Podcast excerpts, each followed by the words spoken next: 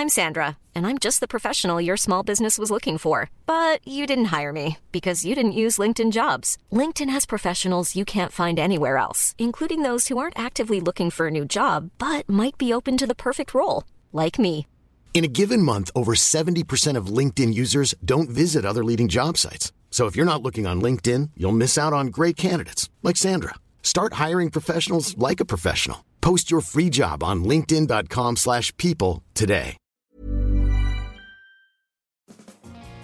Da, da, da, da, da, da, da, da. Skåpet är här! Ni tittar in på oss. Här sitter vi nakna och redo att ta emot er. Och vi, vi är ju Cecilia Blanken som jag heter.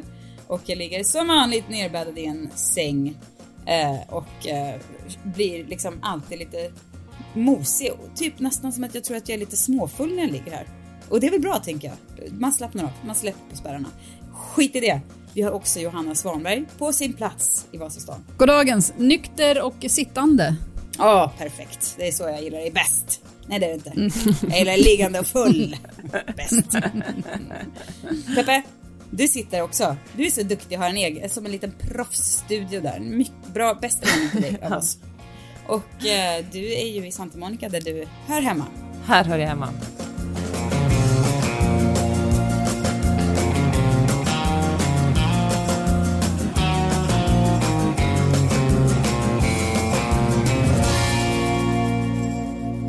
Peppe, du var med om något extremt lejigt, har du sagt. Berätta om Ja, alltså håll i er nu. Jag var med om någonting så otroligt roligt häromveckan och eh, det bästa var att jag hade en kompis som kom och hälsade på från Stockholm och då fick jag visa henne en... Nej men hon fick verkligen den fullständiga Los Angeles-upplevelsen. Det var så här, vi var bjudna på en, ett event som ordnades av Acne Studios. Det var vår kompis Lotta jobbade där och hade bjudit in oss. Och eh, då ska man ta upp en liten bergsväg högt uppe i bergen i, i Malibu. Och slingrig var den. Det var en sån väg som man verkligen, om man har tendens att bli åksjuk så blir man det. Och så kom vi upp dit och så var det en otrolig utsikt över eh, hela Stilla havet och massa, massa människor som jobbade där och alla var, nej men alla var sådär eh, snyggt klädda, sådär LA snyggt klädda. Det finns ju många olika sätt att klä sig snyggt i LA, men det var inte liksom active wear som vi har nere här i Santa Monica, där folk ser ut som de är på yoga från morgon till kväll, utan här var alla men, extremt trendigt och snyggt Acne Studios klädda. Och uh, så kom vi dit och så blev vi bjudna på en liten kollektiv eh, meditation. Det var, det var kanske svårt att uppskatta, kanske fem, mellan 50 och 60 personer där, satt på en kulle, utsikt över uh, då havet, högt uppe i bergen och eh, så kom det någon slags shaman som eh, ledde en kollektiv, kollektiv meditation. Får att skratta men det blir, det blir roligt faktiskt. Och, eh, och, men innan meditationen hade vi alla fått en liten shot och så var det meningen att vi under meditationen skulle shotta, så att han malde på om hur vi skulle liksom bli ett med himlen och molnen och jordens kärna. Och sen mitt inne i det här mantrat så, så avbröt han sig själv och ropade ”Drink!” Och då skulle man ta en liten shot. och det var ju, det var väldigt fnissigt. Vad var det i den här shotten? Var det liksom ayahuasca eller var det bara vanlig vodka? Det var en uh, talisman-shot. Vilket... Ingen kommer någonsin ingen- få veta. Nej, Kan också säga jag att det här tror- skulle kunna varit en scen i min bok, förutom att den inte utspelar sig i Malibu. Är det sant? Gud vad sugen jag blir på ja men, åh, du borde ha varit där då och researchat, men, eller jag ska, det ska bli roligt att läsa den. Men, och det var, det var ju väldigt kul, men sen kom kvällens höjdpunkt, för det här var någonting så fantastiskt. Det var en, eh, ett uppträdande av en professionell visslare. Oj! Alltså, en kvinna som ställde sig då med den här otroliga backdropen, solen höll på att gå ner och uh, havet låg där, bergen låg där, alla vackra människor stod och stirrade på henne. Hon var kanske mellan 30 och 35, ställde sig framför oss och vissla, f- jag tror att hon visslade fyra eller fem låtar. Och eh, det var så, det var så coolt alltså. Hon var, för det första var hon så duktig, ni vet man själv visslar får man ju ont i kinderna efter ungefär en minut. Men hon bara drog på olika Brukar tonarter. du vissla och, så länge, eller hur vet du det? När När du själv har försökt maratonvissla så blir det genast stopp efter en minut. eller hur? Men jag vill verkligen, hon var liksom väldigt kul mellan, mellan de här akterna för att när hon, hon, det var en, när hon slutade sin första performance så applåderade och hojtade och visslade folk och då sa hon sådär gravallvarligt ”No whistling please”. Och, och eh, så, så jag vill att alla kollar upp nu på YouTube Molly Lewis the Whistler och så ni får ta del, ta, ta del av den här otroliga upplevelsen.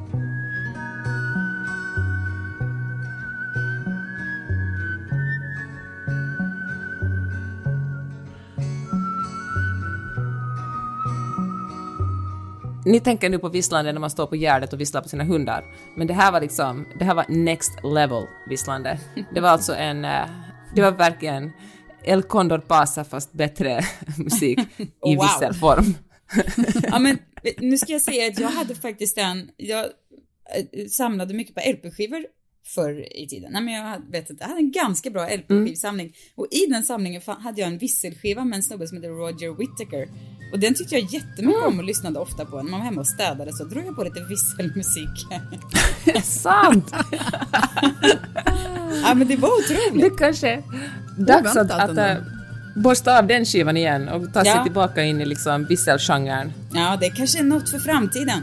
Ge mig en visslare så ska jag investera i den. Jag tror på dig.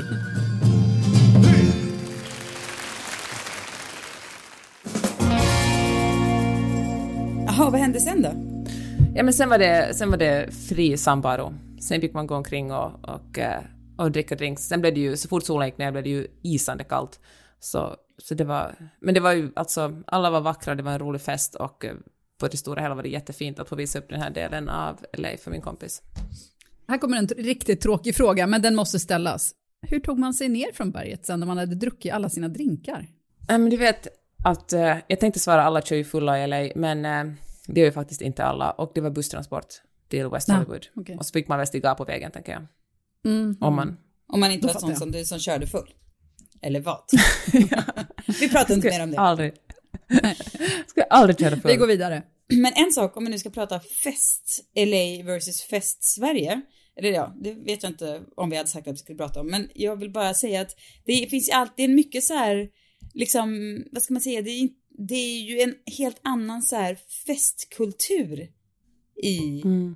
LA på något sätt. Som är liksom lite, den är mer, betydligt mer städad. Alltså samla tio svenskar oavsett i ett rum, oavsett vart de är så blir det ju oftast bra drag. Men om man så här går, går ut och liksom i sådana här sammanhang så är det ju oftast ganska så här städat liksom och sansat och harmoniskt på Ja. ett sätt så, som ju är liksom och väldigt snyggt och så här, man liksom går så här storögd och bara tar in så här. Medans eh, m- man kanske inte så ofta liksom brakar på på samma sätt. Vilket ju Nej, kanske, jag vet inte inte. om det är bra eller Mm. dåligt i och för sig. Men eh, kan det också vara, för att alltså jag lyssnar ju väldigt mycket på den här podden som heter Smartless, som är tre skådisar som intervjuar en fjärde, ofta skådis. Och då, Mm. då nämner de ju liksom ofta vad de håller på, vad de har för olika vices och sådär. Och alla de här har ju slutat dricka för länge sedan. Eh, Den ena tror jag tar så lite, vad heter det, ni vet. Kokain. CBD. Nej men sån här eh, god, Edibles. Ja, Va? precis. Edibles. Ja. Eh, och de dricker ju knappt koffein. Jag hörde nu någon intervju med Liam Neeson, den här skådisen. Och han har slutat, han slutade tidigt med Guinness för att han blev för tjock. Han slutade, och sen så drack han, gick han över till rödvin, sen slutade han med det. Och sen så slutade han med ko- koffein, så nu går han runt och har någon så här termosmugg som håller värmen en hel dag, där han har koffeinfritt svart te. Och man är så här, men alltså varför? Ja, men, Nu ska jag säga en sak, nu säger jag det Kan bara. man må så mycket bättre? Johanna, Mm. skulle, du- skulle du bli så här, nej men jag, har, jag ska sluta dricka. Jag skulle bli så besviken. Jag skulle, alltså jag skulle, jag, Skulle det du? kanske, varför då? Nej, nej, jag sa skulle du, men jag tänker att, alltså för jag, jag kan tycka, alltså jag skulle inte vilja sluta dricka för att jag tycker att jag kan hantera mitt drickande. Men om man skulle, så, jag tycker Typiskt inte att det är något fel. Men däremot när man slutar med allt, det tycker jag är ett, då tycker jag att det är någon sorts störning. Att vet, man, när man till och med slutar med koffein. Nej men jag är nog, jag är nog en så här typisk, eh, jag är nog en så typisk sån där, du vet som man säger att svenskar är, att det blir så här, man undrar varför någon inte dricker, jaha varför det, alltså sådär. Men jag menar, jag, de flesta, sen är ju alkohol och för mycket alkohol såklart ett stort eh, problem för många och liksom hemskt. Det eh, förstår jag. Men de allra, allra flesta dricker ju som, man dricker några glas vin och så blir det lite fnissigt och sen går man hem. Det är ju inte så mycket, det blir inte, det är inte så här våldsamt liksom, utan det är ganska på normal nivå. Och mm. eh, ja, men jag tycker att det är så här, jag, min, jag har så mycket så här i mig när folk inte dricker, alltså jag säger inte att jag inte har förståelse för allas historia kring varför man inte dricker eller att man bara inte dricker. Men jag blir ändå så här, jag tycker ändå det är roligare med folk som dricker. Nu säger jag det bara. Nej men jag tror det, jag håller med dig faktiskt. Jag, jag, här är det ju väldigt vanligt att folk inte dricker och, eh, och ganska ovanligt att folk blir jättefulla. Men, eh, men jag tänker mig så här på att om man är sådär superhälsosam och folk som inte dricker och slutar dricka koffein och som verkligen renar sig själv helt, de säger ju alltid att de mår så otroligt mycket bättre. Och jag tror faktiskt att det är mer en, jag tror det är någon slags placeboeffekt, eller så är det bara jag som inte har någon koll på min kropp alls vilket jag i och för sig inte har, för jag känner aldrig någon skillnad. Alltså om jag har bestämt mig för att inte dricka någon som helst alkohol på två veckor, ingen skillnad från när jag dricker lite vin här och mm. där. Alltså jag, men det är väl inget, alltså, men placeboeffekten är ju högst verklig, så man går omkring och tycker att man är en en liksom, att man mår bättre, så det är ju liksom good for you. Men eh, jag tror det är också motsvarande där, för det finns något härligt i själva ritualen att gå ut och dricka lite vin med sina kompisar. Det är kanske mer Nej, än precis. själva alkoholen, utan uh, det hela liksom, jag... Eh, känslan kring det. Ja, men jag kan tycka liksom, eh, för just när man gör för mycket regler, jag kan snarare tycka att det handlar om någon sorts psykisk ohälsa i det. Mm. Att ju fler olika rigida regler man har, alltså då räknar jag inte ens in alkohol där, för att det är en annan sorts problematik. Men om man går liksom in på de andra sakerna, som, ja, men som koffein eller som socker, om man är liksom, allt sånt där som är egentligen skitsamma, vi lever i västvärlden, det visst man kan dra mm. ner på sina saker, men att ha enormt hårda regler, det tror jag alltid hör, alltså handlar om något annat. Jag läste ja. nu senast mm. att Gwyneth Paltrow tillåter sig själv en drink i veckan. Och det måste säga, ja men visst, det kan du göra. För det, det, är upp till var och en. Men varför måste det vara så uttalat att det är en drink i veckan? Men handlar det om någon slags eh, kontrollbehov, att man tror att man kontrollerar, än det finns delar i sitt liv som man inte kan kontrollera, så då fokuserar man på det man kan, och då är det ju väldigt tydligt mm. att bestämma hur mycket man får äta ja, eller dricka. Eller liksom Alltså Fredrik har ju väldigt många vita perioder för att han har ofta det när han jobbar mycket för att det bara blir mindre stök, alltså det blir mindre, det blir enklare för honom. Mm. Att bara så här, ja nej men jag tar inte en öl utan jag du vet, dricker inte. så att, och det kan jag verkligen förstå. Alltså för att man tar ju bort en, en faktor av stöket i huvudet. Sen kan jag tycka i och för sig att det är skönt att aldrig bli sprithetsad i LA, det kan ju säga vara åldern mm. också, men att äh, åtminstone i Finland kan jag uppleva att äh, jag är en weirdo om jag inte, om jag bara bestämmer mig för att sluta dricka en kväll. Men här mm. så har Jo men det är det jag menar, det känner jag lite också att du är. Alltså, Ja. Alltså jag, om du är så här, nej jag ska inte dricka, då skulle jag känna så här, men vad, det skulle inte jag bara så här, Jaha, nej okej. Då skulle det sätta igång många frågor och skulle det? och tankar. Ja, ja, absolut. Men det som ändå är skönt då är att vi är förbi den här tiden när folk alltid ska tro att man är gravid. Om man ja, dricker. Verkligen. Nej. Att nu är man bara nu, weirdo istället. Ja, nu är det mer alkoholproblem. Jaha, hon dricker för mycket, okej. Okay. Ja. det är klart jag inte skulle liksom, om du var så nej men gud jag pallar inte, jag orkar inte vara bakis imorgon, bla bla. Det är klart man bara, ja, jag, alltså det, det är inte så att jag blir liksom upprörd eller kränkt. Men jag menar bara att så här, jag tycker det är roligare när folk dricker och då menar jag inte att man då menar jag inte att det är liksom Och då liksom menar du på partykvällar, du menar inte så här, man ses, eh, du vet, efter jobbet, man kanske inte måste dricka om man ska dricka ett eller två glas vin och då säger man så här, nej tack. Det är inte då du blir sur, nej, eller? Men det, nej, nej, men jag blir inte sur någonsin. Nej, men det för, alltså, Bara besviken. Jag är ofta den som inte dricker ett glas vin om man ses liksom på middag på stan för att jag ofta kör till skillnad från Peppe då, så, så håller jag mig nykter när jag sätter mig i bilen. Men, eh, men, men, eh, men jag menar, vet om man ska se ut och man ska se så bara, woho, kväll, kul, och så kommer någon och är så här, eh, nej men jag, jag, eh, nej men jag, jag, jag håller mig till vatten, mineralvatten tack. Det, alltså det, alla får göra som de vill, men det är, det, är ju ro, det är ju roligt om man sitter ett gäng och så dricker man vin och så kommer liksom, liksom, det blir ju en, det blir ju en viss jargong och det blir ett kul snack som man kanske liksom sitter, blir lite utanför den bubblan om man är nykter. Det låter ju hemskt, men jag menar, Men det är ändå en värld som är trevlig att få besöka ibland. Jag brukar reservera ungefär två kvällar om året som verkligen blir så här riktigt men fyllekvällar. Också för att jag det är så obehagligt att alltså bakisen, bakisen nu för tiden är ju fruktansvärd. Men och en av de här två kvällarna är vanligtvis med dig Sissan, kan jag säga. För att man vågar ju inte, inte dricka i ditt sällskap. Men, Exakt. Precis, då kommer den besvikelsen. Nej, men, men okej, okay, lite besvikelse. nej. men alltså min man Magnus, han har ju verkligen, han går ju inte ut så mycket nu för tiden, men han, han går ut då det verkligen fylla ut. Och då vet jag, då sitter jag hemma så här som man sitter hemma antagligen i framtiden och kommer att vänta på tonåringar som är ute och festar. Alltså då, men typ han insisterar alltid på att ta en sån en bird hem oberoende om han är i downtown eller liksom så men- långt ifrån var vi bor. Och eh, jag tror alltid att han ska dö. För att ibland nästan dör han också, kommer hem liksom för att han har trillat med den där jävla cykeln och Det Det har är- somnats på balkongen och, och sådär. Precis.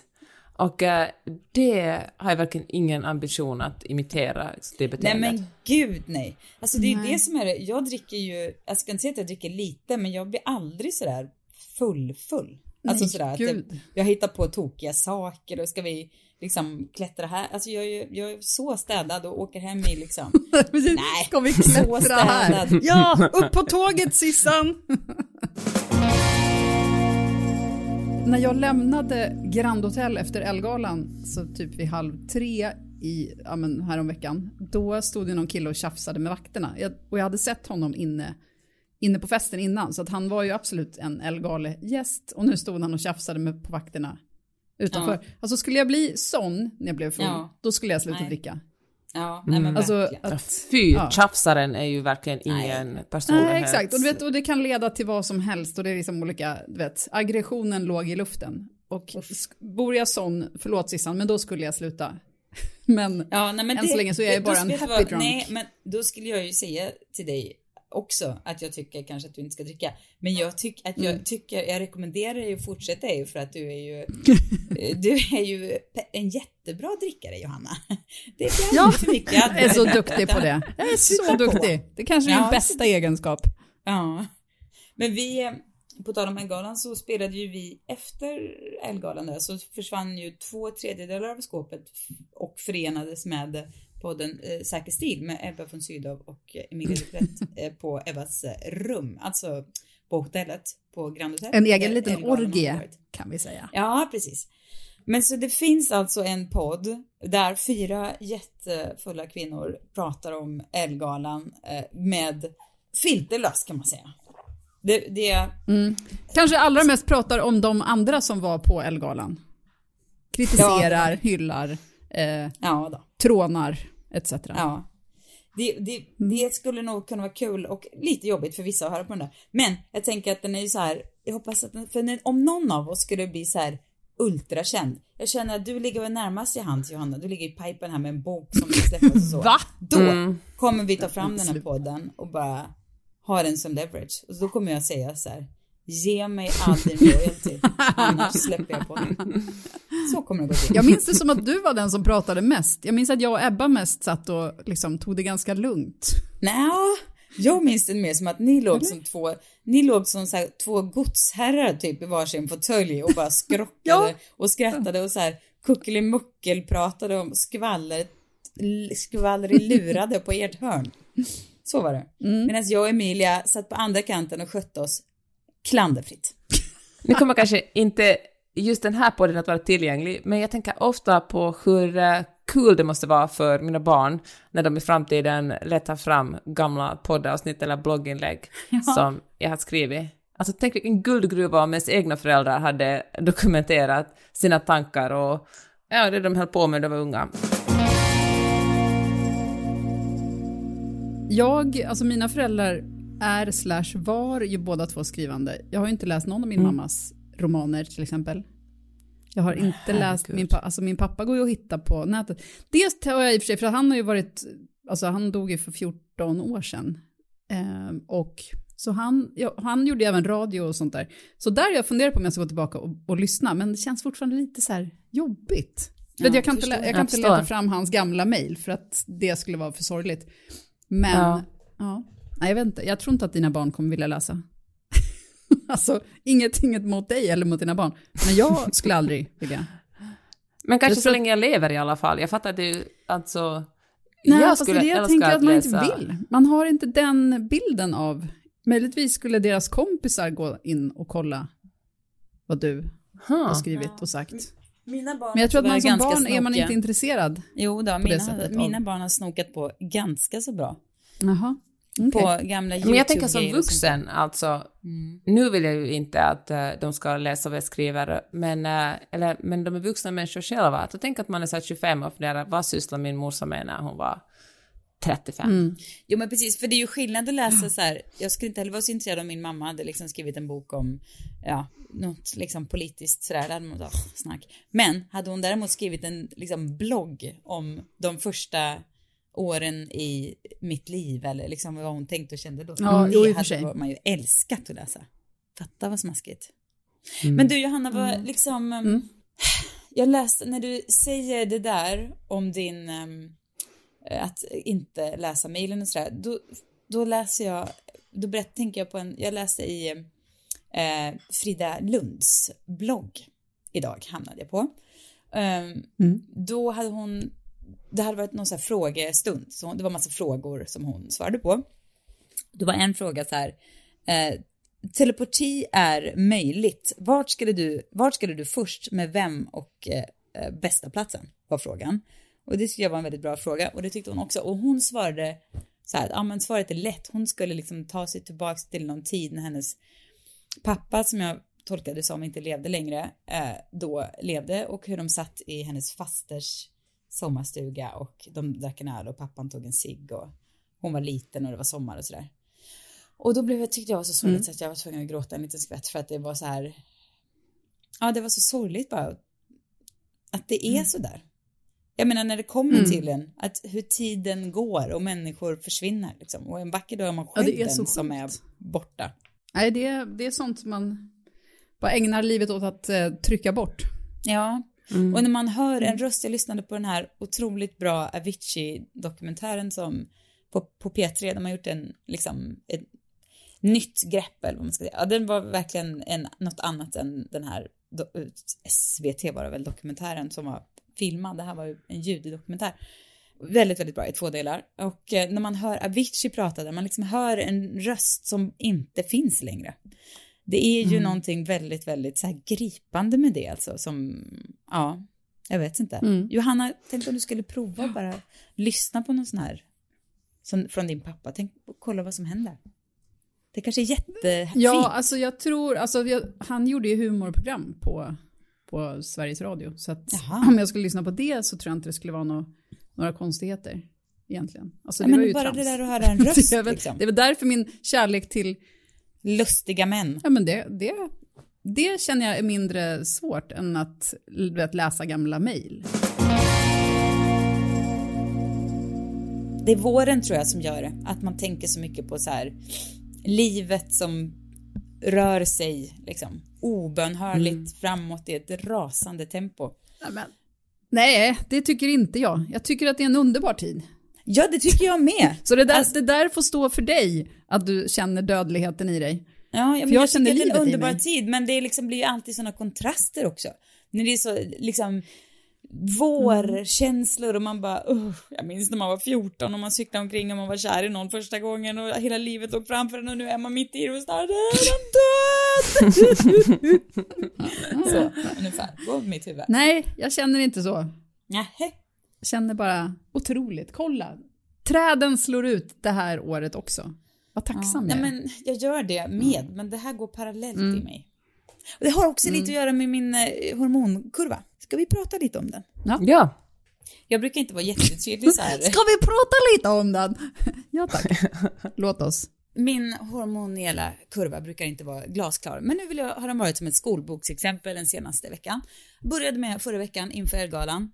Jag hade lite olika outfits som jag skulle prova i min garderob. Märkte så här, du vet, den här lilla, den här lilla så här, vem är den här gamla tantskrället-rösten som, som säger, pratar i ena örat? Var liksom puts väck, utan det var bara så här, vad jag än tog på mig så var det så här, hur, vad, hur snyggt var inte det här då? Nej men titta nu, vad jag ändå var det så här. Det var bara lyckat och det var ännu mer lyckat och det här var så snyggt och lyckat så det var, fanns ingen gräns. Um, då insåg jag, det här är inte jag som pratar, det här är min ägglossning som, här är någon som är befruktad. det var den som talade. Det förstod jag ganska snabbt, för det här var liksom ett onormalt positiv inställning. Men efter ägglossning kom PMS och där har jag varit den här veckan. Rysligt humör. Känt så mycket hat och varit så aggressiv mot alla. Och då har jag satt ihop en liten sammanställning på några av tankarna jag har haft i mig. Uh, Oj! Ja. Mm. Och då får ni helt enkelt, jag tänker att man skulle kunna ha en liten vignett här som går så här, uh, ska vi kalla den, uh, ja vad ska vi kalla den? Sissans hatlista. Ja, eller jag tänker mer så här, för fittigt eller helt rimligt. Så får ni liksom okay. avgöra om det är liksom de här känslorna jag haft. Där du alltså menar att fittigt är någonting dåligt? Ja, precis. Alltså du vet när man är mm. lite väl, alltså man, ja. det, fin- det kanske är rimligt men är det liksom, kan man ändå ta och lugna sig lite? Mm. Mm. Alltså fittigt är ändå, det har vi pratat om, det är ändå någonting vi känner att vi gillar. Men man kan ju vara för fittig och det är där jag känner att jag kan ha ja. varit. Okay. Och sen tänker jag att ni mm. kanske relaterar och ni kommer med några egna exempel. Ska vi, ska vi se mm. så? Ja. ja, vi säger så.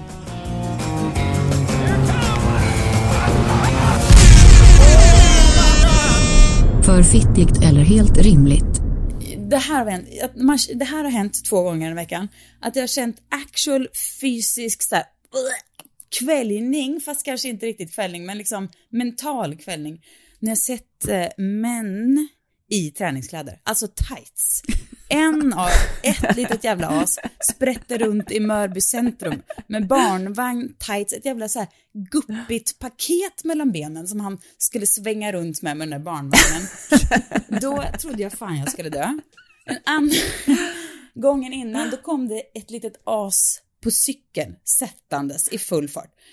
Hade på sig jättetajta kläder men var också liksom, du vet, vuxen chips och bärsman som hade klämt i sig mm. de här mm. kläderna. Och det, jag säger, jag säger inte att det är trevligt det jag säger nu. Jag kände, jag kände att jag ville så här ta av de där jävla kläderna, cykla som en normal människa. Och hade också liksom en jävla orange regnskydd på sin hjälm. Okej, okay rimliga känslor eller för Ja men det är väl rimligt. Alltså den där, det där mm. hatet gentemot äh, cyklist, manliga cyklister i ja. tajta kläder, det, det, är ju ett, det är ett gammalt och, och välkänt hat. Jag förstår att din PMS har fått det att sprida sig vidare ja, men till också... Ja, men det handlar ju mer brett om att jag kände så att män har fan inget jävla träningstights att göra. Det är så jag känner. Nej. De struntar på sina jävla träningstights.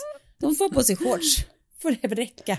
Och inte se en jävla pung. Det är konstigt tycker jag att det inte pratas om liksom tights-paketet på samma sätt som det pratas om eh, alltså camel toe.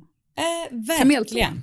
Jag pratar det om det nu, hör göra. mig. Jag pratar och man borde skämmas mer. Ja, exakt. Jag tycker tvärtom att camel toe borde uppmuntras och man ska vara så jävligt stolt över att man har en snygg Nej, men det ser inte bekvämt springa. Ut. Det känns, det, när man ser det så tycker man ju så här, oh vad obe, obekvämt. Och så kniper man ihop liksom hela sitt inre, bara uff. Nej, jag tycker, så, jag kan nej, tycka jag, att det är lite sexigt med en camel toe. Jag kan tycka samma att det är så här, faktiskt. Här har, vi, här har vi en riktigt frodig kvinna. Hon ser fertil ut. Liksom, så känner jag. Big vagina energy. ja, men det är ju en massa tyg mellan. Det måste ju vara jätteobekvämt. Låt vaginan vara fri. Men camel toe på något mjukt och bekvämt material med stretchigt material, då är ja. det ju ingen fara tycker jag. Nej, tänk, för tänk dig på träningstights, de är inte mjuka. Alltså de är stretchiga ja, men de är inte, de sitter inte mjukt. De, nej. Män har inget i träningstights att göra. Det, ja, jag kan ändra mig till nästa vecka, men just nu känner jag bara att det, det borde finnas någon form av, kan de förbjuda abort för kvinnor, då kan vi fan förbjuda träningstights på män. Den siluetten klarar vi oss utan menar du? Ja, ja, jag tycker bara inte det, passar sig inte. Det ser inte trevligt mm. ut. Eh, men sen en annan sak som jag kände, det var apropå män i de här kläderna och män på cyklar och sådär som ju är liksom, alltså det absolut värsta jag vet i hela världen. Jag kan träffa en man och få höra att han cyklar, då blir jag, drar jag öronen åt mig direkt. Och då kom det häromdagen en, så- ett sånt där förbannat as eh, cyklande när jag gick med Rio till skolan och jag hade två hundar och barn och det var liksom så här på en liten väg i vår lilla liksom villaförort här. Han kom sättandes, jag vet inte, vad åker de? 35 kilometer i timmen. Full jävla fart. Och eh, det de alltid gör är att de åker förbi och skriker någonting också. Jag har hört så mycket eh, och sjuka saker. En har bankat på min bil. En skrek så här, årets morsa eller? När han åkte förbi. Och den här skrek så här, nu får du för fan ha ordning på hundarna. Alltså vi gick som en helt vanlig person med två hundar i en lit, på en liten så här villagata. Kanske att det är han som ska lugna sig. Men då började jag tänka på, så göra plan på att jag skulle låna med Remis eh, slangbella och bara skjuta på dem lite. Var beredd när jag går på en cykelbana och de kommer. är det för fittigt eller helt rimligt? På, alltså, jag, ingen Jag skulle veta att det var tycker- jag. Mm, jag tycker det är Våld. rimligt, förutom jättesvårt att hålla i två hundar samtidigt som man skjuter slangbällan men- på ett Okej, riktat jag kanske sätt. gör så här. Jag gör inte, jag lägger mig i bakhåll. Innan de ens har gjort någonting så är det där Ja. och skjuter. Du är nya laser, laserkvinnan. Fast jagar jag bara kanske- cyklister. Manliga men jag- cyklister, det är de du är ute efter. Ja. ja, men jag kommer köra med så här, ehm, jag kanske kör körsbärskärnor eller något sånt där. Alltså, jag vill inte att de ska dö. Jag vill att de ska ramla av cykeln på skrapsår och känna och inte förstå vad som hände. De tror att det var så här en geting, men nej, det var Blankens som låg i bakhåll. Kan, du, kan det vara sådana små giftpilar? Jag läste om att i Frankrike så är det problem nu för att det är så många som får så GHB-injektioner när de är på klubb. Ah, Vilket är Nu jättehemskt. snackar vi. Men jag tänker, Vad att är det små giftpilar. Ja, ett blåsrör så här. Ja, exakt. En sån. så bara sätter den sig i halsen och de bara seglar ner och dör. Eller jag somnar. Då slutar de cykla en efter en. Ja. Ah, du får bara gömma dig, ligga i så här kamouflageklädd med så här lite grässtrån för att kamouflera dig. Ah. Och sen, så, sen har vi podd från tre olika ställen. Vi har LA, vi har Vasastan och vi har Finkan! Ja. Eller så kommer jag sitta i en så här, jag kommer bli uppburen av alla kvinnor och alla liksom mammil-hatande. De kommer skydda mig. De kommer bygga en mur runt mig och finkan. Jag kommer vara fri. Ja. För att jag kommer göra mänskligheten en tjänst. Och helvete cyklisterna alltså. Vad jag hatar dem.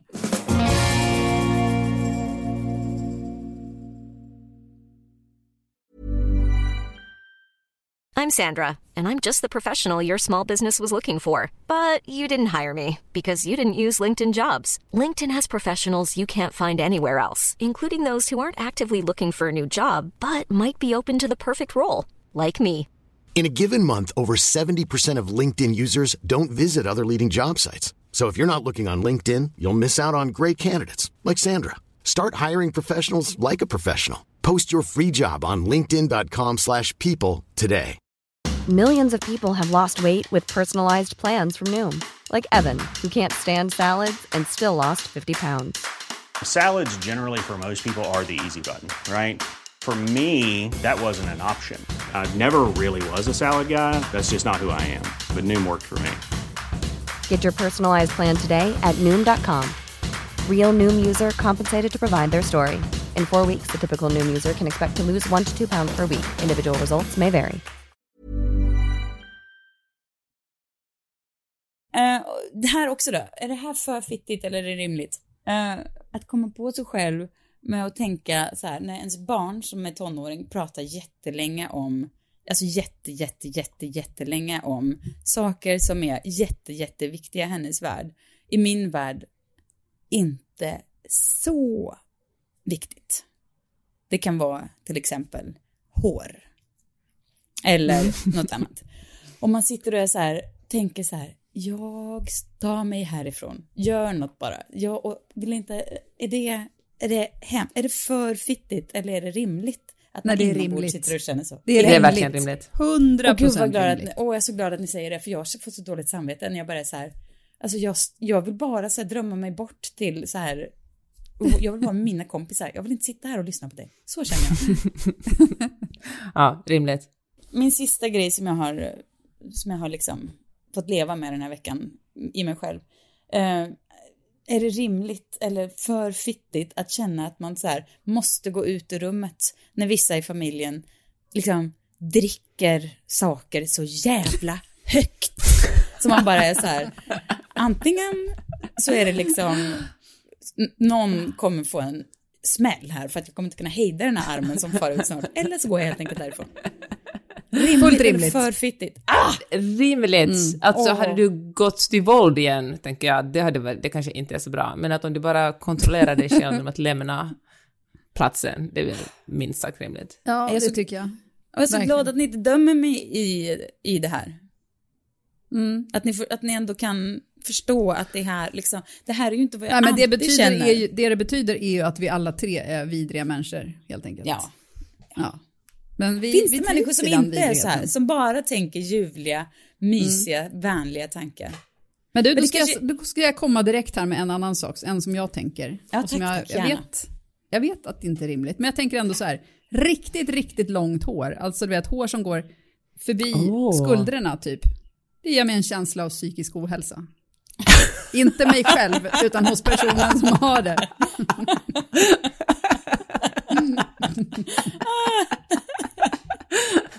Ja. Om det är ner till rumpan långt liksom. Varför ska man ha så långt hår? Va, Varför? om, om vi tar in en person som Ebba von Sydow, är hon på, är hon på okej-sidan? Ja, nej. Men har hon så långt hår? Nej, men hon har inte förbi skuldrorna, det tror jag. Alltså, Men skuldror, vad är ens det? inte. Jaha, det är de Skulderbladen, med vingarna liksom. Ja, har hon inte? Jag tycker ändå det är på gränsen. Nej, men hon, nej, men, nej hon, hon kan bära sitt hår. Det kan hon göra. Men, Ja. nej, jag ska inte nämna några namn. Men vet ni, när vi börjar närma oss rumpan. Ja. Ja. Ofta Ja, när man ser personer, om man ser vuxna som har det, då Ja. ser man också ofta att deras barn har tvingats till samma frisyr. Ja. Och då är det 100% psykisk ohälsa. Du vet, någon sorts eh, hår, hårkult i familjen. Ja. Nej, jag, absolut. Jag, jag förstår vad du... ja.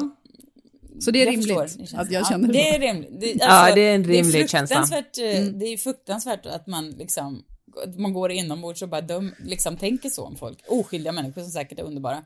Men, Ja. eh, men det är ändå rimligt. När vi började prata om det här ämnet förut, då tänkte jag, nej men jag mår alldeles för bra, jag kan inte ha några negativa, alltså jag, jag, jag tänker inte på sånt längre. Men sen när jag väl har börjat plocka i det här, då känner Ja. jag att det finns så mycket som helst. Här är en, Jag vill ha det mer, jag vill den- ha mer. Ja, men här kommer den, den är inte så, ja, den är inte så taskig egentligen. Men jag kände, jag körde bil idag och så körde förbi någon reklamskylt och så var det Bottega Veneta körde någon reklam. Jag bara, lyxmärken ska inte ha reklamskyltar.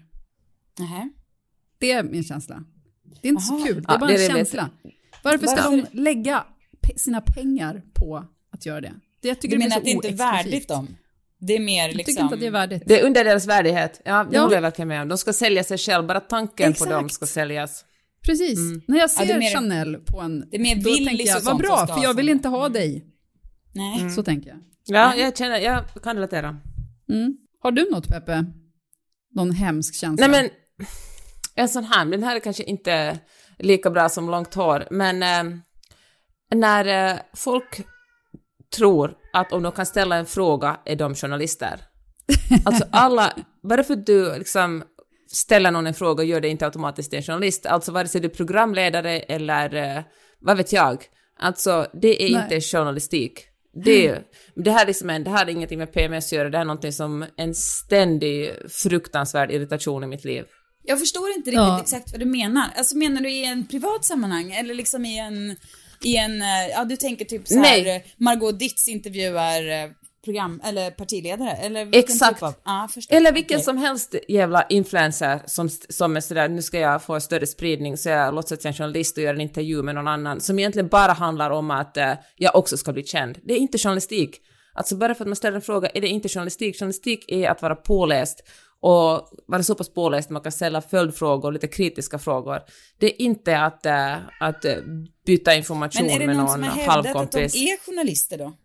Ja, det brukar folk säga, att, ja, att de är journalister när de gör sånt. Och det är, ja men då sitter det, då brinner det inombords hos mig. Ja.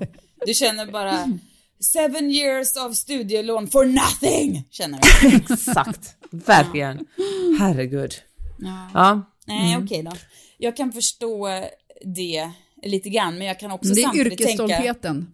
Ja, det är väl som också- när, du vet, när om en riktig fotograf eh, blir, alltså, ja, du vet, någon tar en bild med, med sin telefon Aha, och Ja. kallar sig för fotograf och sen så, Ja. det kan Ja, vara exakt. provocerande för yrkesfotografer. Jag vet ett exempel. Eller Mm. när en person bara uh, startar ett skoföretag och börjar göra skor och kallar sig skodesigner. Just det, vidrigt. Ja. Skulle jag aldrig göra. Nej men vet ni, just den grejen var faktiskt min så här absolut största liksom bromskloss och nej som låg för, Jag hade en idé om att starta ett skoföretag eh, en gång i tiden.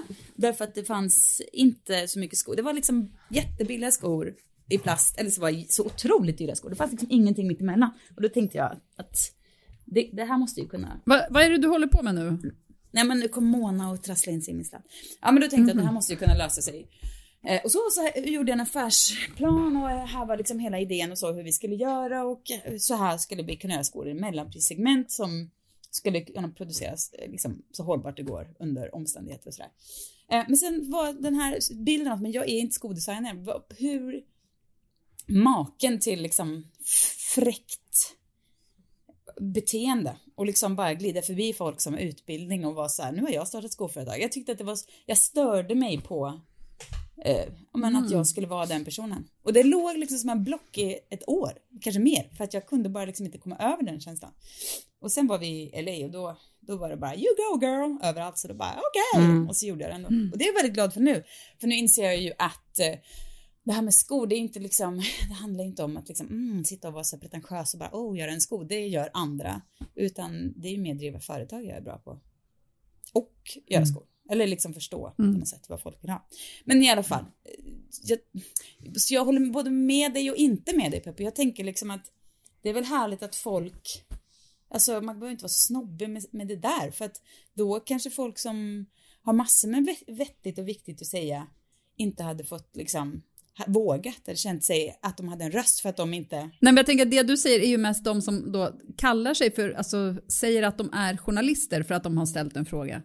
Och att det är det. Det är inte att någon ställer en fråga utan att Aha. det är att man tror att man direkt kan ta på sig den stora hatten och bara, ja här är jag. Den stora jättefina hatten. Men jag tänker att man på riktigt kan göra mer skada än nytta. Om man till exempel säger att du är, säger att du är influencer och ska intervjua en, en partiledare, och nu menar jag faktiskt inte det här exemplet, men när jag tog upp det här först. Men, men säg det, och så ställer du bara snälla frågor. Du ställer bara frågor som, för du tycker att det är lite härligt att vara kompis med den här politikern också, för du vet att, att det ger dig kanske lite cred som influencer eftersom eh, om det här är en partiledare så har henne ändå liksom politisk tyngd.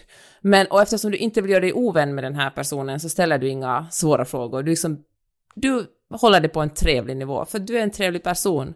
Och då är du inte en journalist, för en journalists jobb är att uh, kanske inte vara så älskad alltid, utan verkligen ställa också svåra frågor som är lite jobbigt för personen du pratar med att svara på. Och speciellt om den person du pratar med typ liksom är politiker eller eh, företagsledare eller har makt på något annat sätt, eller en annan influencer till exempel. Och jag tror att, att sådana här snäll intervjuer är bara reklam. Det, gör du inte, det är inte journalistik utan det är PR. Fast det är väl i och för sig, det finns ju olika sorters journalistik. Alltså så här, samtidigt, jag har gjort 50 000 miljarder intervjuer i, i mitt förra liv som, eh, som arbetare på magasin och, och tidningar och sådär. Men jag, i och med att jag inte är utbildad så har jag aldrig kallat mig journalist, utan jag har alltid kallat mig vet, skribent, typ.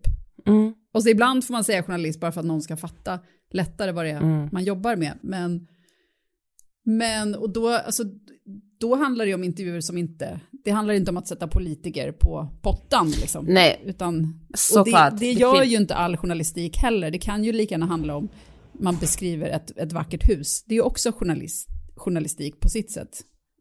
Men, eh, ja. Eller? Du håller inte med om det Ja, kanske? jo, men det, det är det ju. Det är väl inget som säger att man bara måste ställa de tuffa frågorna. Det, så är det ju Nej, inte. Det jag, liksom så ett, ser jag inte det. Alltså. ett porträtterande av va, vad man nu har för... En skodesigner. Ja, precis.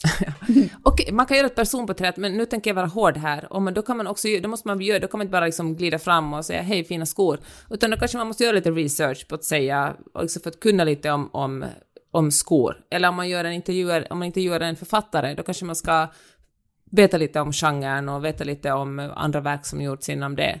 Alltså, det, Nej, men det är inte absolut. bara att... Nej, men det, Det känns som tycker att du jag, har för att- någonting speciellt i åtanke här, Peppe. Nej, jag har faktiskt inte det. Men jag funderar bara på saker, jag vecka jag gått in på vad jag stör mig på och det här är liksom ett, ett, en sak som är verkligen... Nej, jag hatar, ofta går jag ju stör mig på specifika personer, men just i det här fallet är verkligen en allmän känsla av irritation. En till sak som jag verkligen stör mig på. Det här var någonting som, som handlar om mig själv egentligen. Men så här, Mm. jag var ute med en av mina hundar idag. Var på ett ställe som är typ som ett eh, torg. Du vet, det är inte en gata men det är inte, det är inte en, alltså det är, det är bara en allmän plats. Mm. Och så kommer en tant med sin eh, sån här gåstol mot mig medan Bibi kissar. Hon bara, här får du inte rasta hundar.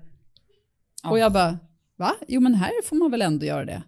Du vet, jag ifrågasätter, du vet, det finns ingenting som säger att man inte får det, utan det är en allmän plats. Varför skulle inte hon få kissa där? Och ändå så räknar jag med att tanten har rätt och jag har fel, att jag har gjort Ja. något olagligt. Varför? Så irriterande. Ja. ja, Ja, när folk säger det är, till en det är får man ju... orimligt att jag reagerar Ja. på det sättet. verkligen. Nej men det är ju alltså sådana här folk som man ser när, man har sina hundar, man ser på långt håll att här kommer det komma en som kommer ha en åsikt om hur man går, står, beter sig med hundarna. Då börjar man ju direkt liksom bara, åh, be om nåd, typ. Man borde verkligen bara så här, du, Ja, men du, på den där är platsen där jag var, där, det, egentligen så borde det alltid vara fuktigt över hela den här marken för att det är så många hundar som kissar där. Så, det är så, här, så den här lilla hunden, där går gränsen Härligt. för henne. Det är den, den är den enda. Var Resten, hunden kan simma i en att- sjö av kiss på den här platsen. Men den där hunden, nej, nej, nej, nej.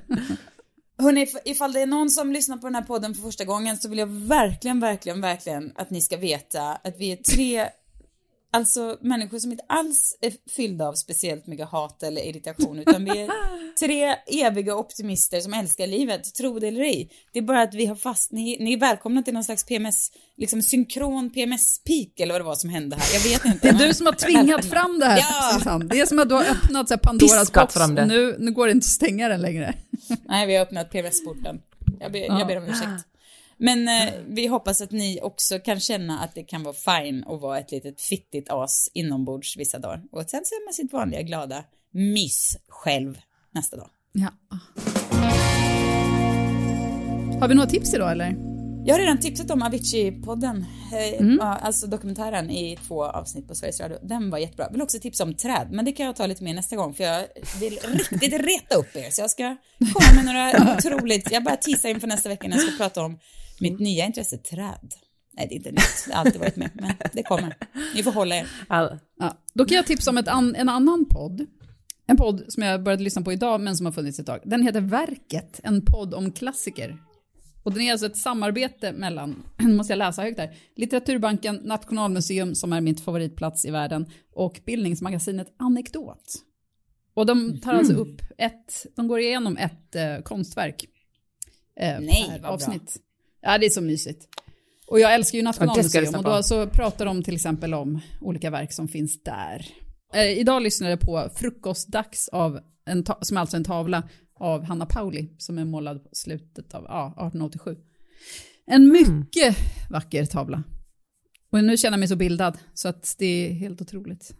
Ja, men det tipsar jag idag. Jag skulle vilja tipsa om uh, tv-serien Better Things som uh, är en otroligt fin tv-serie som utspelar sig i LA och Pamela Adlon spelar en ensamstående mamma med tre döttrar.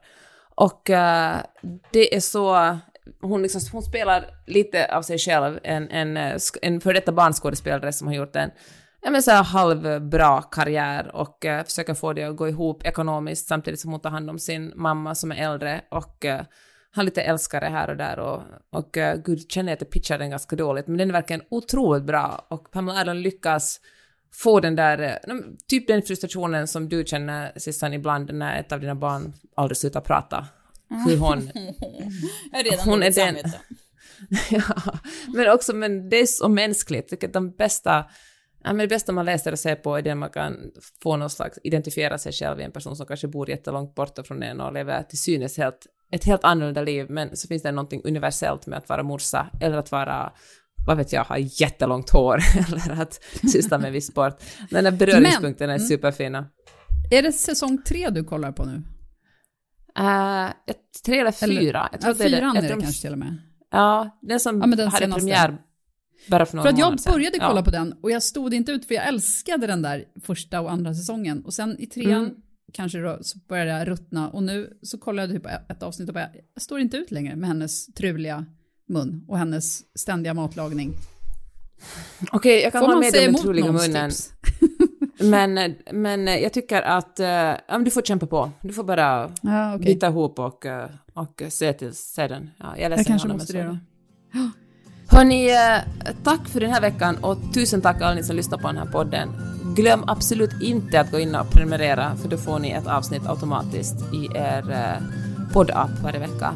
Vi är så otroligt glada om ni lyssnar och tipsar era vänner om den här podden. Mm. Hej då! Hej då! Hej då!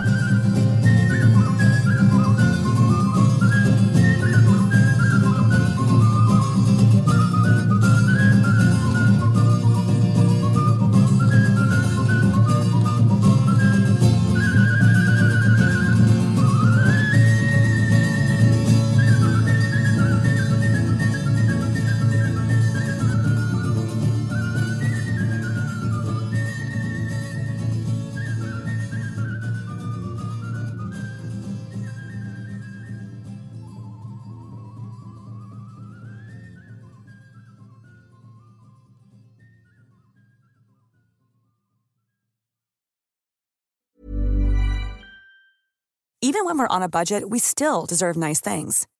Quince is a place to scoop up stunning high-end goods for 50 to 80% less than similar brands. They have buttery soft cashmere sweaters starting at $50, luxurious Italian leather bags, and so much more. Plus, Quince only works with factories that use safe, ethical, and responsible manufacturing. Get the high-end goods you'll love without the high price tag with Quince. Go to quince.com/style for free shipping and 365-day returns. Imagine the softest sheets you've ever felt. Now imagine them getting even softer over time. That's what you'll feel with Bowl and Branch's organic cotton sheets. In a recent customer survey, 96% replied that Bowl and Branch sheets get softer with every wash. Start getting your best night's sleep in these sheets that get softer and softer for years to come. Try their sheets with a 30-night guarantee. Plus, get 15% off your first order at bowlandbranch.com. Code BUTTERY. Exclusions apply. See site for details.